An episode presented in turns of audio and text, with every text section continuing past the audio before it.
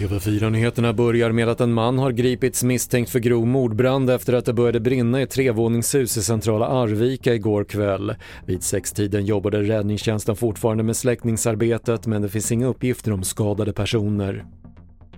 Äldrevården får skarp kritik i en ny rapport från Inspektionen för vård och omsorg. I sin fördjupade nationella tillsyn av landets särskilda boenden har myndigheten hittat allvarliga brister hos alla 283 kommuner och bland annat i hanteringen av de boende som är i livets slutskede. Uppslutningen bakom Centerledaren Annie Lööf har varit stor efter uppgifter om att hon var måltavlan vid dådet i Almedalen tidigare i somras där psykiatrisamordnaren Ingmarie Wieselgren mördades. Flera partiledare och ministrar visar bland annat sitt stöd på sociala medier.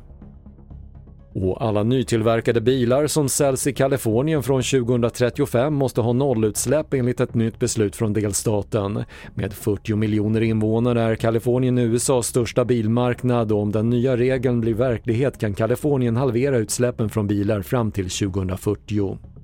Fler nyheter hittar du på tv4.se. Jag heter Patrik Lindström.